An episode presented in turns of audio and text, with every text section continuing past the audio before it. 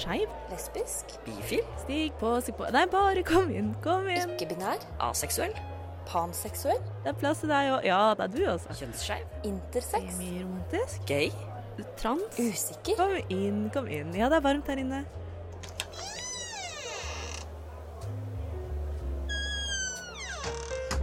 Her i lobbyen er det plass til alle sammen. Velkommen til lobbyen på Radio Nova.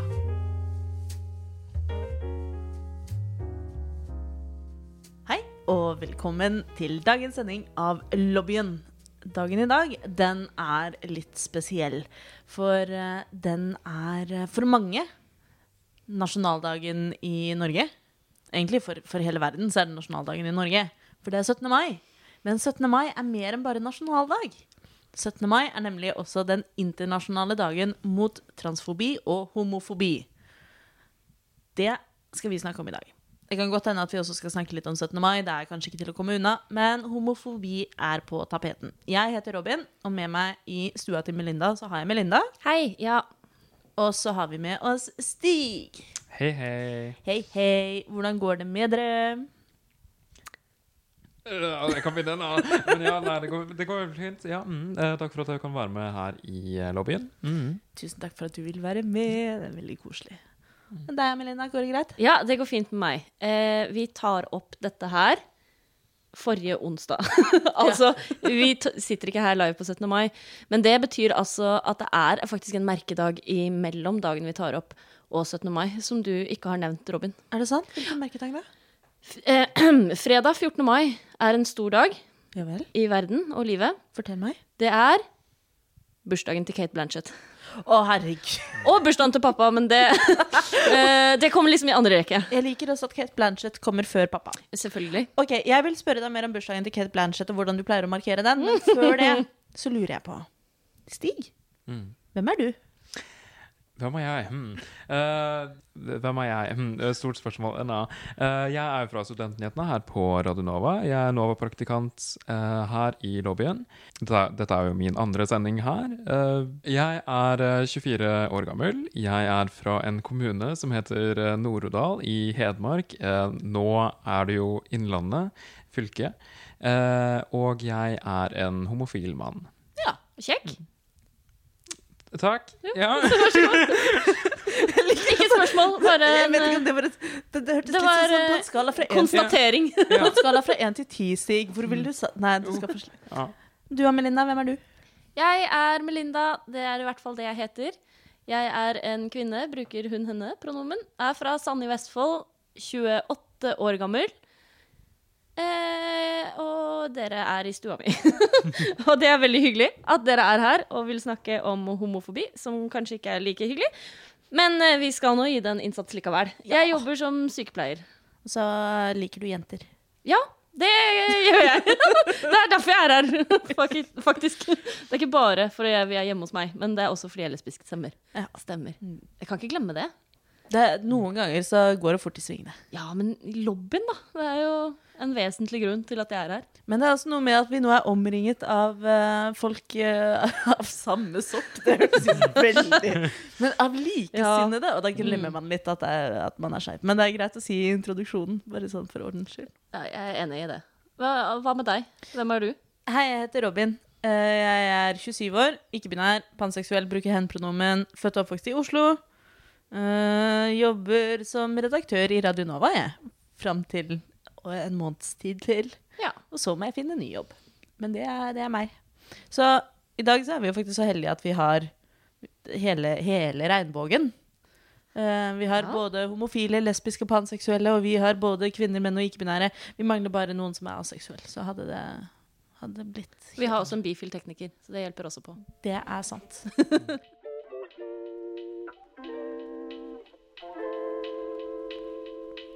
Okay, listen up. This is for the girls and the gays and the theys. So if you're not a girl or gay or they, keep scrolling.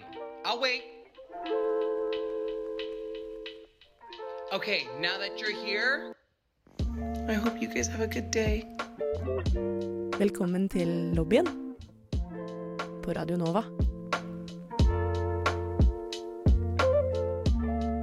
For snart 50 år siden så ble homofili avkriminalisert i Norge. Det skjedde nemlig i 1972. Det er eh, 50-årsjubileum neste år, så da blir det nok en heidundrende pride. Eh, Men selv om det ble avkriminalisert for snart 50 år siden, så vet jeg ikke om vi helt kan si at vi er kommet sånn i mål. Eh, og da lurer jeg liksom på Hva tenker dere om homofobi dagens samfunn? Det er et kjempestort Ja, spørsmål. søren. Det er et kjempespørsmål. Men sånn Er vi kvitt det? Er vi ferdig? Er, det, er vi good? Jeg tror ikke vi er kvitt det, fordi da hadde vi ikke snakket om det. Mm. på en måte.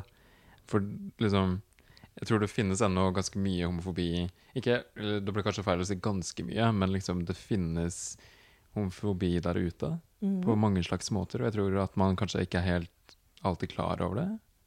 Jeg tror også du har ganske rett. Altså sånn Jeg tror vi har kommet veldig langt på det punktet at det er veldig få som åpent går ut og sier at nei, jeg hater homofile, eller jeg hater skeive, de er så ekle. Det er det nok veldig, veldig få som gjør i dagens samfunn. Men jeg tror nok at det fort kan skje liksom, internt i vennegjenger eller i klasserom at noen sier ah, 'ikke vær så gay', ja. Eller at noen sier «Eh, 'nei, kysse en jente, det kunne jeg aldri gjort, det er så ekkelt'. Ja, men det er jo ikke riktig å si at det ikke skjer heller, fordi det skjer jo. Og de som er homofobe, skammer seg jo ikke over det heller, føler jeg.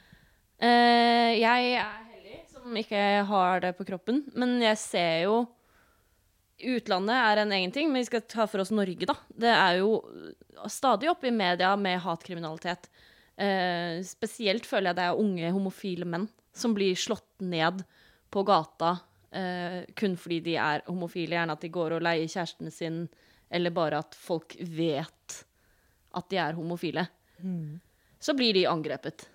Beint fram. Kun derfor. Og det er liksom den fysiske, den blinde volden, men i tillegg så ser man hvis du det, Jeg skal ikke langt inn på mine sosiale medier for å finne kommentarfelt som renner over av gørr fra homofobe folk. Det er sånn nesten uansett hvilken sak som deles på ofte Facebook i hvert fall, hvilket som helst nyhetsmedium deler et eller annet som har med noe innen seksualitet og kjønn, så renner det over av skitne kommentarer. Og det er, jo, det er jo bare vondt. Jeg blir jo bare trist og sur. Og ja. Nei, det er, det er liksom Jeg føler meg heldig som ikke har det sjøl, men så blir jeg så jævlig sur og lei meg på vegne av alle de andre da, som er nødt til å leve dette. Disse menneskene som kommenterer, det er noens forelder, onkel, tante, besteforelder, søsken. Det er Mest sannsynlig så har de en eller annen i sin krets som leser dette og tenker 'fy faen, du tenker dette om meg'. Som får de meningene personlig inn på seg. Ja, du har helt rett. Og jeg tenker at vi må ikke se så langt egentlig for å se det i media sist. Jeg tror den siste saken jeg kom over, var da Farmen-paret Farmen-paret eh, Tonje Garvik og Lene Sleperud eh, annonserte på sosiale medier at de er gravide. Ja. Eh, og det er jo en gledens dag. Uh, og masse gratulerer til Tonje og Lene. Det er så hyggelig å høre. Uh, og også utrolig vondt å lese noen av de kommentarene som de fikk på eh, sosiale medier, og særlig i kommentarfeltet, type VG og Dagbladet og Ja. tabloidavisene. Så mye stygt om at nei, dette er ikke naturlig, og et barn skal ha en mor og en far, og det, det er barnemishandling, og liksom Det er, det er helt, helt hinsides hva folk kan finne på å lire av seg, selv nå i 2021. Selv nå som det snart er 50 år siden avkriminaliseringa av homofili i Norge. Og jeg også, jeg også har hatt eh, det her homofile Nei, ikke homofile, men homofobe familiemedlemmet som kan sitte etter fire glass vin på eh, en familiemiddag og snakke om at nei, hvis sønnen min kommer hjem som homo, så kan han like gjerne droppe å komme hjem. ja, ikke sant? Og der sitter jeg i andre enden av bordet Ja. Halla. Ja. Eh, Så vi er jo på, på mange måter Eller på, jeg på å si på ingen måter kvitt det, men samtidig så er jeg jo enig med deg, Stig, at eh, det er jo betraktelig bedre enn det var for 50 år siden, da. Det er det, og det, det skal jeg ikke si noe på. Jeg bare, Vi må ikke glemme at det skjer. Selv om jeg også, som ikke, selv om det ikke skjer mot meg, så skjer det mot utrolig mange andre. Eh, og ja, vi har kommet veldig mye lenger, bare at det er i det hele tatt ja, lov, da. og at man kan gifte seg, man har lov til å få barn og adoptere sammen, sånne ting. Og nå er det jo også eh, nylig blitt kjent at det da blir lov å eh, donere egg til partneren sin hvis lesbiske kvinner ønsker å få barn sammen. Ja, så kan faktisk faktisk Det er helt nytt, og det er noe som, eh, som skjer nå i 2021. Det betyr jo at vi fortsetter jo å gå framover, og vi er på riktig vei. Men homofobien er ikke borte. Men derfor så syns jeg også det er så sinnssykt dritkult at NRK velger å sende Pride. For første gang. Jeg, Absolutt. og jeg så noen på jeg tror det var på Jodel, min, min eh, trusty companion Jodel, min kilde til all eh, god samfunnsdiskurs. Ja, ja, ja. Um, men det var noen som sa at hvorfor er det en så big deal egentlig at NRK skal sende Pride? Skjønner ikke at folk syns det er så viktig. Og én ting er for oss som er i 20-åra, sitter og har en skeiv podkast, omringer oss med uh, skeive sfærer med jevne mellomrom, og liksom for oss er det ikke så rart å være skeiv, liksom. Men det er kanskje heller ikke vi som ser så mye på NRK. Mens uh, det familiemedlemmet mitt som ikke ville ta imot uh, sin sønn hvis han var homo, eller uh, bestemor i Lofoten, eller lastebilsjåfør som aldri har møtt noen andre homofile i bygda si, og aldri har turt å egentlig snakke om det. Kanskje det er de som sitter den lørdagen og ser på Pride-sending på NRK. Og da blir det med ett veldig viktig med den typen representasjon. Og at det kommer i såpass store kanaler som selve Statskanalen. Jeg er veldig spent på hvordan den sendinga kommer til å bli. Eh, for jeg vet jo at eh, mange drar jo opp nettopp dette med paraden, da, som en negativ ting. Med at de, folk eh, går rundt halvnakne eller bare flasher fetisjer, fetisjer, alt ekkelt rundt, og barna ser det og sånn. Men jeg håper de gjør det litt sånn som de har gjort med andre, sånn som nå med festen etter fasten. Ja. Eh, den har jo, når du hører det her, så har den jo allerede gått, men den er jo nå i helga for oss, eh, for andre år på rad. Og da tar de jo opp veldig mange ting. De har intervjuer og forklarer og har liksom historiske perspektiv, og det tar liksom hele den pakka rundt. Og det håper jeg de vil gjøre med Pride-sendinga også. At det ikke bare blir liksom en livesending av paraden, men at de bruker denne muligheten til å vise mye mer. Det håper jeg. Nordmenn er engasjert ungdom og livserfarne gamle.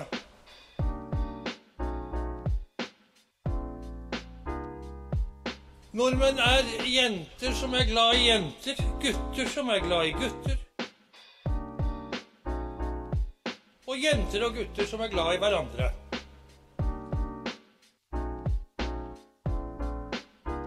Velkommen til lobbyen på Radio Nova. Jeg har et spørsmål. Tror dere at denne dagen i Norge blir litt glemt fordi den faller på 17. mai? Ja. Ja, en, ja det blir, jeg tror kanskje det. Det er sånn, Du har hele den festdagen med liksom 17. mai, og bare alle er, er, jeg popper champagnen og alt mulig, liksom. Og så synger na- nasjonalsang, liksom. Da tror jeg jo kanskje at det er liksom noe som går litt i glemmeboka, men som absolutt ikke burde det. liksom. Det burde jo være veldig fokus på at det er dagen mot homofobi, liksom. Det er, det er fortsatt, som vi akkurat driver og snakker om nå, det er jo så reelt ennå. Så det burde absolutt løftes opp. Ja, jeg skal ærlig innrømme at jeg glemmer det bort sjøl. Det, er ikke så- det skal ikke så veldig mange år tilbake før jeg fant ut at den dagen faktisk var 17. mai. Så den har liksom gått helt forbi i stillhet for min del. Jeg har et oppfølgingsspørsmål som jeg egentlig ikke har tenkt over før, men som jeg kommer til å tenke på nå. Tror vi det er enda litt vanskeligere å være skeiv på 17. mai? Hva, jeg sliter jo hvert jævla år med å finne ut av hva jeg skal ha på meg på 17. mai, for det finnes jo ingen ikke-binære bunader. Men også sånn Siden alt er så nasjonalistisk, alt er så tradisjonspreget, er det kanskje ekstra vanskelig å være gay and proud på 17. mai? Kanskje. Jeg tenker Det er sikkert like individuelt som alle andre dager, på en måte, men det blir jo kanskje mer synlig, da. I hvert fall eh, hvis man utfordrer Jeg husker på eh, samenes nasjonaldag så hadde vi jo besøk eh, Å, du husker eh, navnet? David Brun Solbakk. Ja. Og eh, han, de, Mhm. ja, velger å gå i kvinnekofte, blant annet.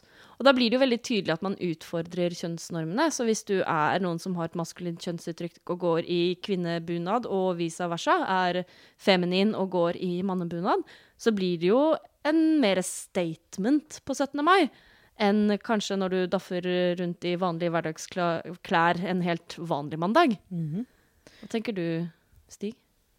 Uh, jeg føler selv egentlig at det er så mye press på liksom, det at det skal være bunad, det skal være um, dress, og på en måte for menn så uh, Jeg føler liksom at pga. den der maskuline normen om at når du er mann, så skal du ha den dressen, uh, du skal ha den fineste dressen og sånn, eh, og du skal f.eks. være med gutta på 17. mai. og jeg føler liksom at jeg faller jo ikke helt innenfor flere av disse normene. på en måte. Sånn, sånn som jeg typ sa i forrige sending, det er ofte meg og jentene, liksom.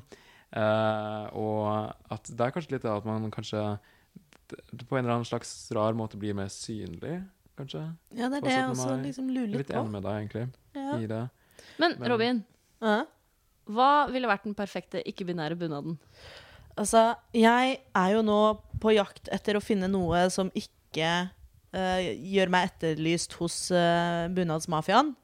Men jeg har kjempelyst til å få til noe som er liksom et par kule, kanskje sånn bunadsinspirerte bukser, men med uh, bunadsskjorte. Og så det jeg liker best med min bunad Jeg har jo en kvinnebunad som jeg fikk i konfirmasjonsgave. Og det jeg liker aller best med den, er bling. Den har så mye søljer, den har så mye bling, den har så mye fett. Og så har den ganske kule broderier og fine farger. Den går i svart, grønt og rødt. Uh, og det kunne jeg gjerne liksom Jeg kunne gjerne hatt typ en sånn bunadsvest over en bunadsskjorte, men ikke skjørt, men bukser i stedet. Oh, men vet du hva, det her så jeg på Instagram her om dagen. Ei av disse damene i Fabric, dette som driver og selger ulike sånn symønstre og sånt noe, som er sånn sy-influencers-typ, hun hadde sydd det. Liksom en bunadsbukse som hun hadde gått med et år.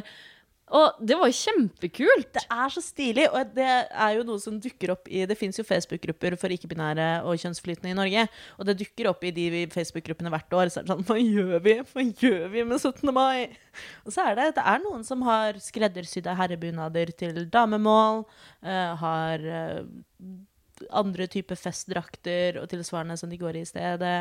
Eh, så er du sånn som meg, for eksempel, som fint kan liksom dra på seg en fin bukse og en fargerik skjorte og Color Color National Day. uh, og er fornøyd med det. Men jeg føler jo litt på det, da. At jeg har bunad, og familien min er jævlig glad i den bunaden, men jeg orker ikke å gå i, den- gå i den. Og det er ikke helt det er ikke helt fint. Jeg vil jo heller ha et plagg som både representerer bygda familien min er fra, men som også passer meg, da. Eh, Men så er det igjen det som Stig sier, at da blir du veldig synlig. Når du ikke har på deg en vanlig bunad. Jeg syns liksom at det burde være mye mer sånn åpent og liksom Jeg vet ikke, gå i det du vil liksom på 17. mai. Hvis du har lyst til å ta en eller annen sånn Lage en festdrakt, gjør det, liksom. Kjør på. Det er på en måte så veldig mye sånn uh, bunadspoliti. Det er ulike politier der ute, liksom. Når det kommer til sånn Det var den siste debatten om uh, sånn munnbind, at uh, noen som broderte det selv, liksom, og da bare Nei, shit, det kan du ikke gjøre, liksom. Nei, munnbindpolitiet kommer og tar deg. Ja. Åh, jeg syns det blir dumt, da. Men jeg føler jo bunadspolitiet har jo all grunn til å ta og arrestere meg, fordi jeg har ikke bunad. Men jeg kjøpte meg en festdrakt i fjor fra Coop Mega. Den er jo så fin. Veldig fin. Coop Ops. Det er det, det er det jeg har vurdert også. Kjøpe Ja, festdrakt. og den er kjempefin, og jeg har aldri møtt noen som er sånn Å, dette er vel ikke helt riktig. Og jeg går med da Jeg har jo da heller ikke bunadsko og tar de skoene jeg har. Ingen som noensinne har kommentert det. Eneste folk kommenterer, er sånn Å, så fin! Hvor er den fra? Og jeg er sånn Coop. så eh, trenger vi være så redd for bunadspolitiet, egentlig? Jeg vil heller gå i et plagg jeg føler meg fin i, og som jeg kan feire i, enn et plagg som jeg må gå i bare fordi jeg må gå i det. Ja, for det er det som bunaden skal være. Jeg har aldri følt meg som fin jeg, som den 17. mai i fjor, hvor jeg kunne bruke den festdrakta for første gang. Og det er jo den følelsen det skal gi deg, om det er en bunad eller hva enn det er. Plagget du tar på deg på sånn- nasjonaldagen, skal gi deg den følelsen. Uavhengig av hva det plagget er. Det er jo en festdag. Ja. Skal jeg feire. ja. Men altså, for eksempel sånn akkurat med bunad, da. Bare sånn, altså, jeg har bare et bilde i hodet mitt av at liksom, jeg har egentlig måtte, lyst til å gifte meg i en bunad. Samme her! Ja! Og jeg syns det er kjempevanskelig. Jeg har alltid drømt om å gifte meg i bunad. Og så er jeg sånn, men jeg, hva slags? ja. Altså, vet dere om Eidsvollsbunaden? Nei, den er veldig hvit. Kan liksom. google, Ja. og så må vi legge det ut på sosiale medier. Ja. Eh, men i hvert fall eksempel når eh, Morten Hegseth og Anders Riiber gifta seg, og de gifta Ja. seg begge i bunad, og jeg ble sånn ja!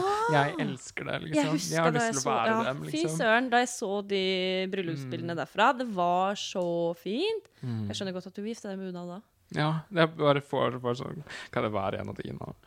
Men ja. Men jeg, eh, bare sånn for å avslutte bunadstiraden. Jeg har også alltid drømt om å gifte meg i bunad.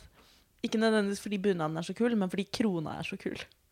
Å være kronebrud eller brudgom eh, og bare ha den her svære krona som Kvitebjørn kong Valmon Jeg vil komme ridende til hest, skal jeg faen meg gjøre. Som en gammel mytisk norrøn gud. Fuck, jeg heter Frøyen til etternavn. Det skal være så norrønt og guddommelig som kan få blitt. Hva er en ikke-binær brud, brudgom? Ektefelle. Vet- Jeg veit ikke. En, eh, en, eh, Brud... en brudg. Brusk. En, en brudo? En brom. En brom. En brom. En brom. Kommer du som brom på hest med krone? Well, to be honest, I'm a hetero guy, but I really try to be a good ally. And it ain't no secret, let me tell you why. It's because I love my wife, and my wife is bi. Velkommen til lobbyen Yes, bi wife energy. Bi wife energy. på Radio Nova. Yes, bi wife energy. Wife energy. He has bywife energy. Ok, så Nok bunadprat. Selv om det er, jo, det er jo veldig morsomt å snakke om krysningspunktet mellom 17. mai og 17. mai. på en måte. Snakker vi om krysningspunktet mellom 17. mai og den internasjonale dagen mot homofobi og transfobi. Men vi snakket litt med, vi snakket litt med Trym, som var med på forrige sending også, eh, om denne sendinga. Han kunne dessverre ikke bli med, for han er hjemme i Kongsvinger. Kong- Nei, Nøtterøy. Rett utafor Tønsberg. Tønsberg, var det han sa. Mm. Geografi, ikke min sterke side. Uh, men da vi snakket om dette med homofobi, så nevnte Trym dette med internalisert homofobi. Uh, og internalisert homofobi er jo litt sånn kinkig. Men for de av dere som ikke er kjent med begrepet, så handler det om at man internaliserer ideer, tanker og da også fordommer og negative holdninger til legninger. Så veldig typisk eksempel kan jo være eksempel Isak i Skam. Som sakte fant ut at han var homo, men samtidig ikke følte seg homo. Og et godt motstykke til Isak der er jo han eh, Hva er det han heter? Han, han rødtoppen i Skam. Eskil. Eskil, ja. Ja. Som er et godt motstykke som er, er, igjen var litt mer sånn kanskje det man ser på som paradehomo, da. Og at det er det man oftest ser, og så er det liksom sånn Ja, men jeg kan jo ikke være homo, for jeg er jo ikke sånn som ham. Eller jeg er ikke sånn som de på TV. Jeg vet ikke, Hva tenker dere om det? Hva er deres erfaringer med internalisert homofobi? Jeg tenker at det er jo måte, Vi mennesker har veldig mange sånne stereotypier. Eh, vi har om kjønn, om legning, om sånne ulike temaer. Og at jeg selv har jo sikkert en god del sånne ting. Som, ja, det ligger bare så veldig sånn Jeg tenker ikke på det til daglig. Men at liksom det å på en måte komme ut av skapet, alt mulig sånn, det er jo, kan jo være veldig vanskelig. Og at eh, liksom jeg snakket om i forrige pod, at jeg kommer jo fra et lite sted. Eh, og at det var jo Det føltes veldig sånn veldig stort eh, for meg å komme ut, fordi på en måte jeg ble jo den eneste homofile der. Eh, og at på videregående og sånn også, så var det liksom Det var jeg som hadde kommet ut av skapet, liksom, som jeg kom ut i VG1. Og at jeg tror kanskje at f.eks. jeg følte på en del sånne ting, men at jeg har blitt mer klar over i etterkant at jeg følte på det. Um, at det var faktisk det jeg følte. Og så høres det jo litt ut som at du ble tildelt rollen som representant på mange måter, da. Ja, det òg. Jeg følte jo at jeg, liksom, jeg ble han homoen, Ja. liksom. Både i bygda og også senere i Kongsvinger, liksom. Eh, så var det sånn OK, men homofile er sånn og sånn, og jeg fikk jo høre ganske mye forskjellige ting som rett og slett er homofobi, da, liksom. Eh, og det er liksom, jeg tror kanskje det på en måte går litt sånn innover en selv, fordi dermed så har man, skaper man på en måte sånn bilder av liksom, å, hvem er jeg, hvem er, hvem er det jeg selv ser meg selv som, men også hvem er det andre, måte, hvordan ser de meg, liksom. Og så er det jo en balansegang òg, for man vil jo på en måte være synlig for andre skeive. Mm. Uh, man, vil jo, man vil jo kunne flørte med folk og liksom Ja. plukke opp på, på den gaydaren, da, som er alltid et debattema. Sånn, hva er en gaydar? Hvordan ser du at noen er skeiv? Kan man noensinne se at noen er skeiv? Hva er indikatorer på det, og sånn? Eh, som også kanskje på sett og vis går litt hånd i hånd med homofobi og fordommer. Uh, at det er liksom de vanlige indikatorene på at man er skeiv, ofte blir negativt sett på. Som liksom Ja, om man er eh, sprudlende og flamboyant uh, som mann, eller om man er uh, butch og maskulin som kvinne med kort hår, så er det liksom Ja, men da er, da er du skeiv, da. Og det, du kan ikke være skeiv uten å se sånn ut, liksom. Men samtidig så har vi skeive alltid vært litt avhengig av å kunne se hverandre. Mm. That makes sense?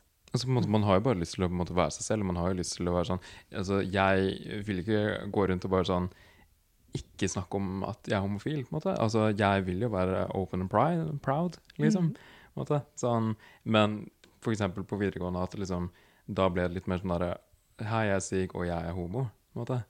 Oh, det er jo sånn jeg går inn i et rom. Hei, jeg er Robin, jeg er ikke-binær. Ja. Uh, så jeg kjenner meg igjen, da. Ja.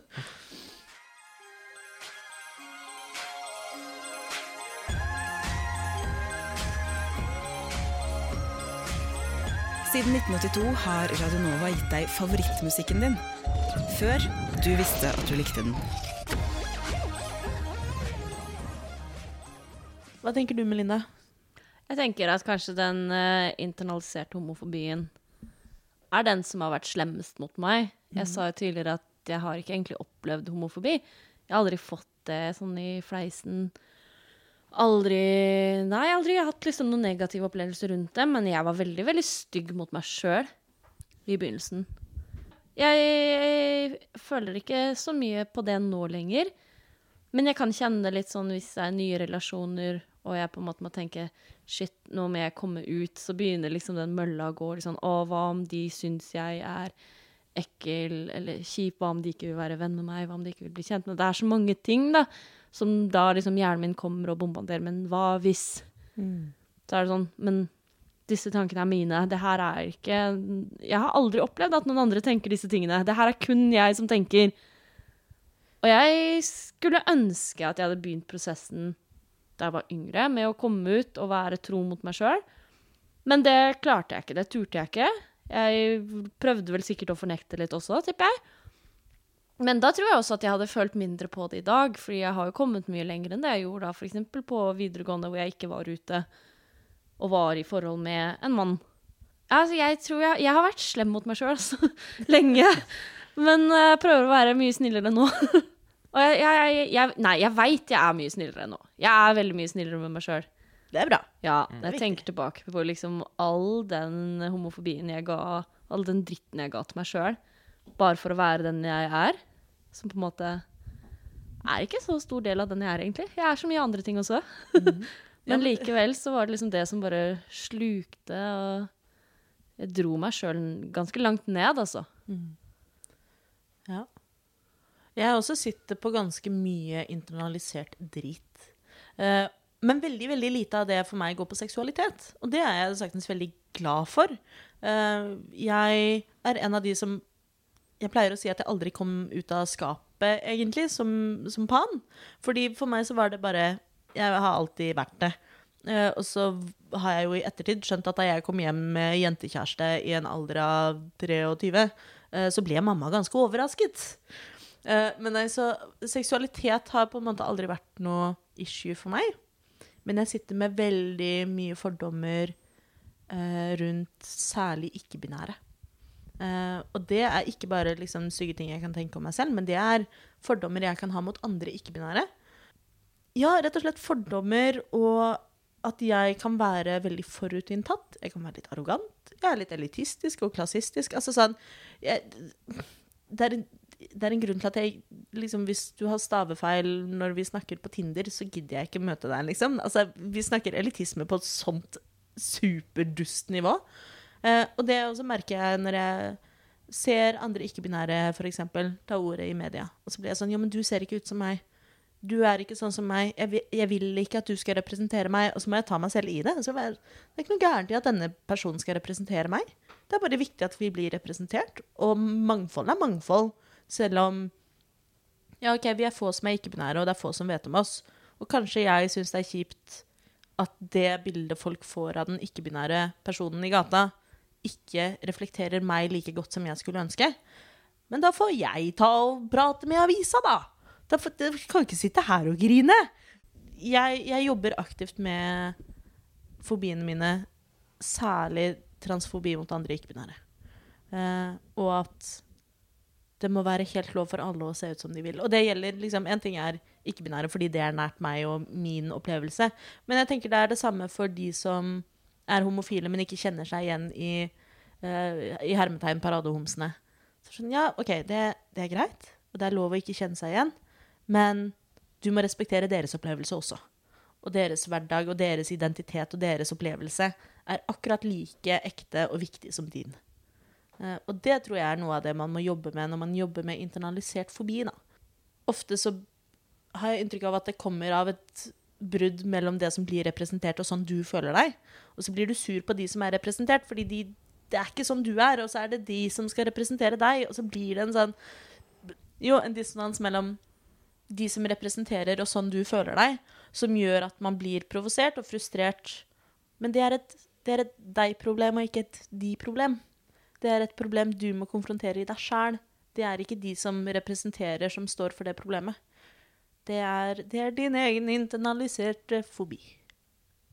Takk for meg! Da var det ferdig. Ja. Men tror du det også at det kan være internalis... eh, inte, i, er- internalisert? det er ikke et lett ord å si. Nei. Internalisert. Når du tenker på innad i det skeive miljøet også, som f.eks. at bifile kan oppleve seg at de er ikke skeive nok, eller de er ikke hetero nok, så de blir, faller en utenfor en gruppe, eller at uh, transkvinner opplever at uh, lesbiske tar ikke vare på de, etc. Eh, at en- man blir litt sånn vanskjøttet til egen skeive gruppe også. Ja, men det tror jeg ikke er internalisert, for internalisert handler jo om dine fobier mot deg selv, på en måte. Mens jeg tror du har helt, helt rett i at vi sliter masse med fobier innad i det skeive miljøet. Eh, det er mange skeive som er altså seksualitetsskeive som er transfober, f.eks. Og det er mange binære transpersoner som kan være homofober, f.eks. Altså sånn Men du tenker ikke at noe av det da kan ligge på Å, men de representerer skeivhet på en annen måte enn det jeg mener er skeivhet? Å jo da. Jo, det tror jeg nok. Ja, det var det jeg mente, sånn Ja. det du sa, da. At ja, kanskje det også da kan gå ikke bare sånn for deg med andre ikke-binære, men kanskje da som en homofil til en annen innenfor det skeive miljøet, eller etc. Ja, det tror jeg nok. Det skal du ikke se bort ifra. Og det, men det tror jeg, sånn tror jeg det er i alle miljøer også, da, riktignok. Eh, men at det kanskje særlig i det skeive miljøet er en litt sånn skadelig splittelse. Hvor man ender opp med å krangle innad heller enn å kjempe sammen for en bedre hverdag. Det er, å, det er å sette ressursene på feil ting, tenker jeg. Man må heller kjempe for en bedre hverdag for alle enn å gå og negge på hverandre.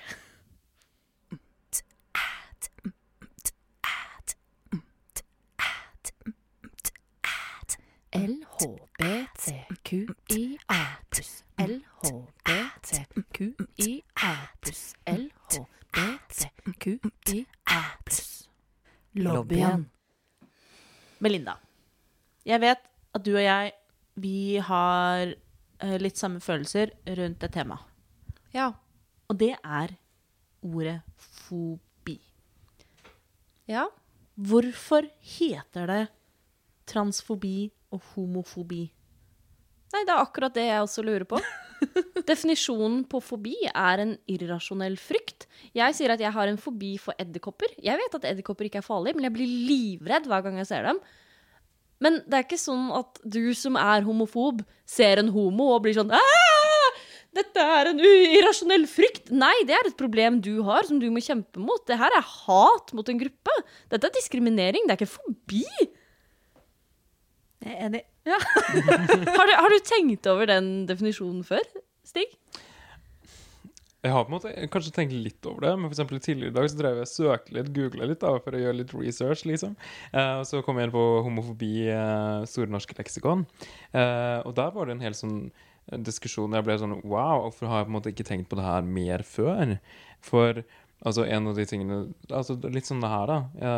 at på en måte det er en irrasjonell frykt, men at selve ordet fobi, men liksom eh, at Burde det ikke på en måte heller være et eller annet sånn um, jeg tror den kommer fram til homonegativitet eller homodiskriminering eller noen sånne ord som går mer på, som jeg også mener, det fenomenet som det egentlig er. Det er jo ikke, ja, det er jo ikke på en måte en fobi. Jeg, er også enig i det, liksom. Ja. Det er jo ikke det. Jeg, syns det, det er så rart at vi har valgt å bruke fobi, men samtidig så Jeg så litt på etymologien, altså språkhistorien bak det. Og det kommer fra Jeg tror det var på 60-tallet en gang. Eh, og det handler om frykten for at noen skal tro du er homo. Eh, og det er jo egentlig ganske interessant, for nå er det jo ikke det homofobi egentlig betyr i det hele tatt. Nå er det jo hat og diskriminering mot homofile. Altså Når vi snakker om at folk skriver i kommentarfeltet til Tonje og Lene at det er unaturlig for to kvinner å få barn sammen, så er det ikke det fordi den som skriver det, er redd for å bli sett på som homo. Men det er det ordet homofobi først ble brukt om. Så det var en fobi for å bli sett på som homofil. No homo. Ja, og også da på den tiden hvor homofobi, homofili var tett knyttet til eh, både det at homofili på 60-tallet var en sykdom i de fleste bøker, som er liksom helt vilt å tenke på, men også da senere på 70- og 80-tallet, når aids-epidemien eh, skjøt fart, så var jo det og Da var man jo genuint redd for at folk skulle tro du var homo, for det betydde at du var syk, veldig Mm. ofte. Og det har vi jo heldigvis gått veldig bort ifra, men så, vi sitter jo igjen og bruker homofobi når vi egentlig mener homohat. Vi gjør det. Ja. Altså, ja. Altså, jeg skjønner godt at du ikke har tenkt over det, Stig. Fordi det er jo Mm.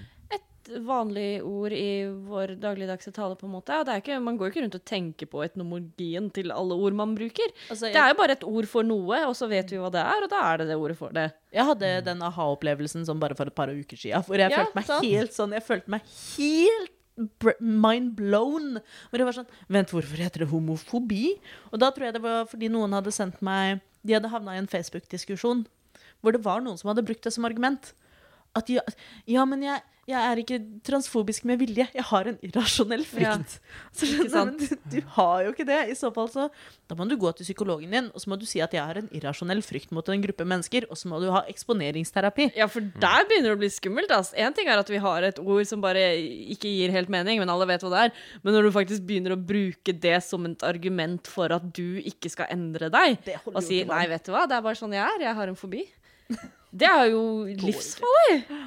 Get a life. Nei. Ja, men det blir, så, det blir så ansvarsfraskrivende. Det handler om at jeg er redd for deg, for du er skummel. Mm. Nei, jeg er ikke det, vet du. Det er ikke jeg som er skummel, det er du som er skummel. Åh.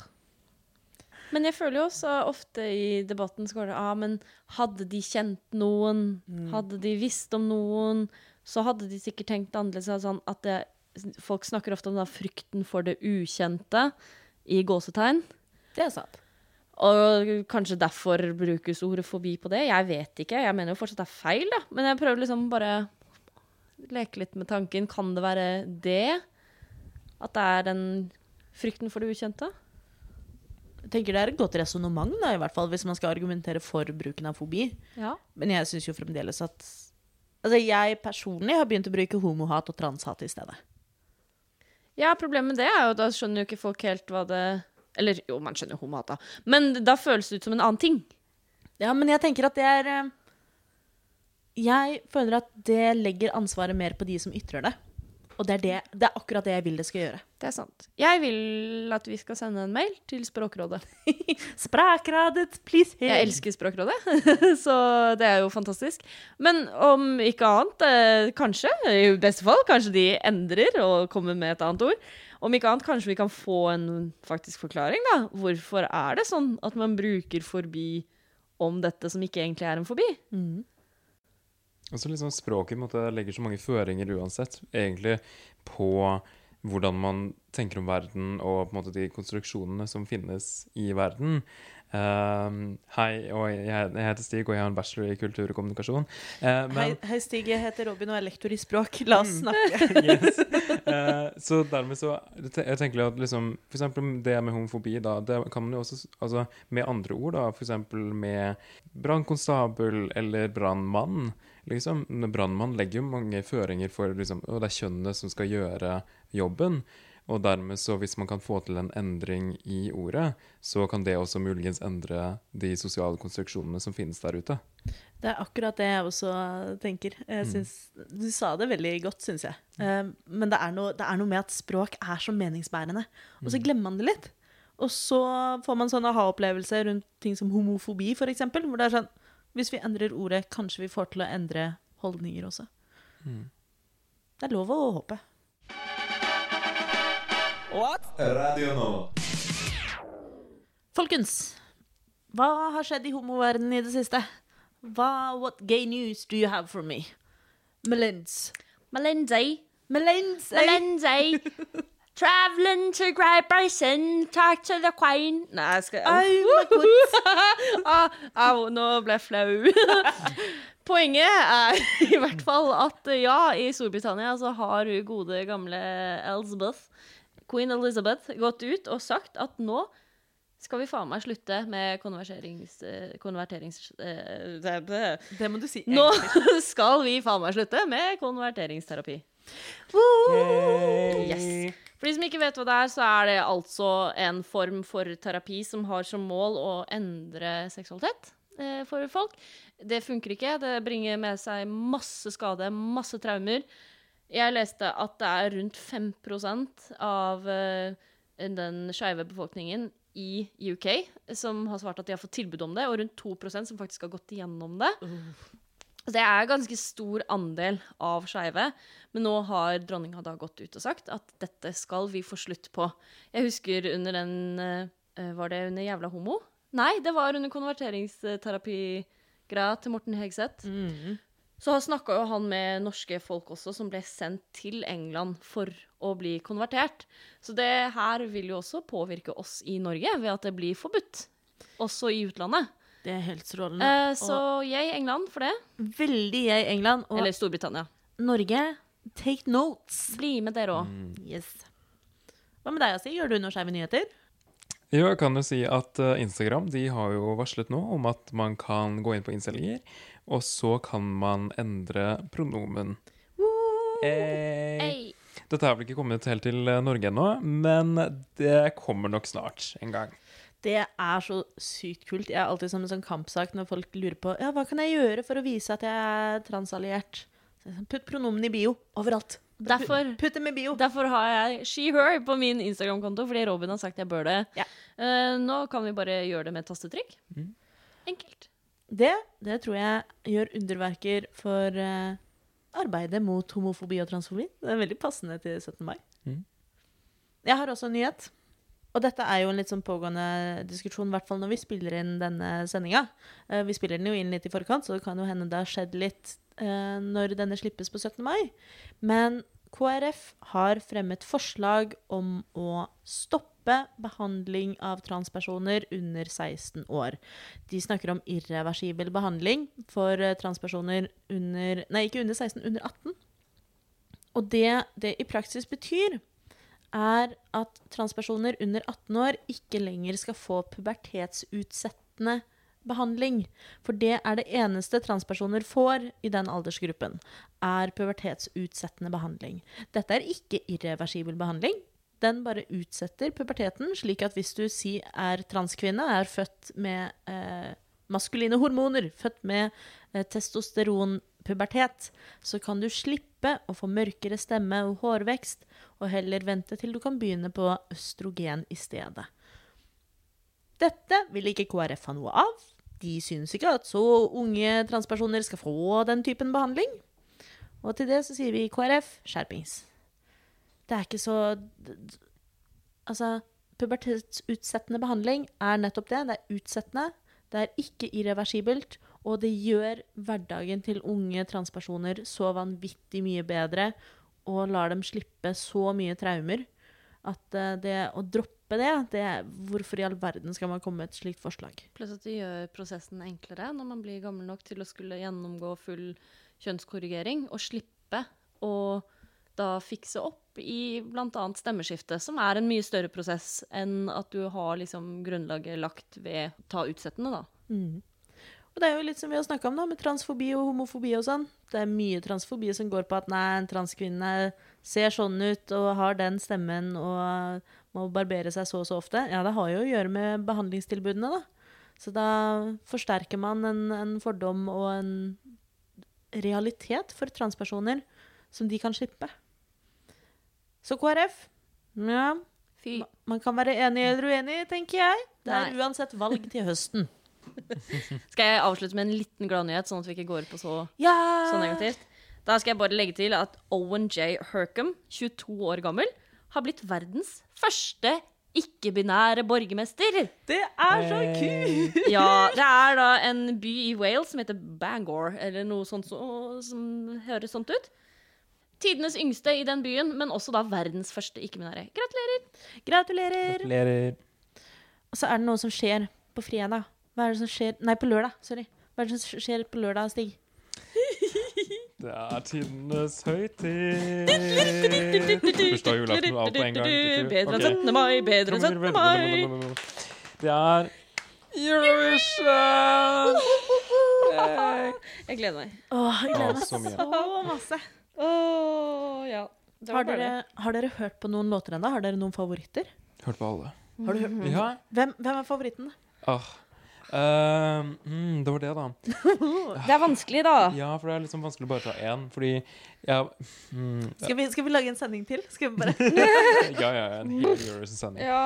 Uh, altså selvfølgelig sånn eh, Malta, uh, Kypros, de her. Sveits er jo veldig fin. Uh, Frankrike selvfølgelig også. Ja, har mange favoritter, egentlig. Ja. Jeg har hørt at Italia er veldig pene. Mm, ja. Du, du går for utseendet, du, i Eurovision. Uh, jeg er jo en av de som Noe av det beste jeg vet med Eurovision, er å ikke se noen ting i forkant. Oh, ja, du har den. Ja, for jeg er jo helt motsatt. Jeg, Eh, ja. jeg vet alt, liksom. Oh, ja, nei, jeg liker å bare bli tatt helt på senga på finalekvelden. Bare Nei, ja, men jeg ser ikke showene, men jeg, kan gjerne, jeg vil gjerne høre låtene. Det vil jeg. Nei, nei, nei. nei, nei, nei. Men jeg ser, ser liksom ikke de nasjonale eh, finalene i forkant, sånn at jeg ser showet. For det vil jeg gjerne ha som en overraskelse. Men låta kan jeg gjerne ha hørt. Hvilken er det du liker best, da? Åh, igjen, samme Jeg er enig med det du sier, Stig. Altså, det er, det er mange gode, eh, rett og slett. Det er jo Ja, Malta er jo kul, da. Malta er veldig kul. Altså, det er jo en storfavoritt Ja. til å vinne i år. Jeg stemmer for at eh, For Malta, det tror jeg er et fint sted å besøke. Mm. Så jeg stemmer for at Malta vinner. Og så får vi søkt eh, reise med lobbyen og lobbyens venner, så Stig også får være med. Yay. Og så drar vi på Eurovision i Malta eh, neste år. Ja, jeg skal Ja. begynne å stemme bare på de kuleste landene som vi kan reise til. Det syns jeg er en god plan. Mm, høres veldig bra ut. Ja. Vi håper i hvert fall at dere har kost dere eh, med denne 17. mai, homofobi, transfobi, bunadsgerilja-sendingen. Og bursdagen til Kate Blanchett. Og bursdagen til Kate Blanchett. Jo, det lovte jeg forresten. Hvordan skal du, eh, hvordan skal du feire bursdagen til Kate Blanchett? Det skulle jeg spørre om. Uh, jeg skal jobbe, Men skal men jeg skal se nok få snike inn en runk på slutten der. Og med det så sier vi ha det bra.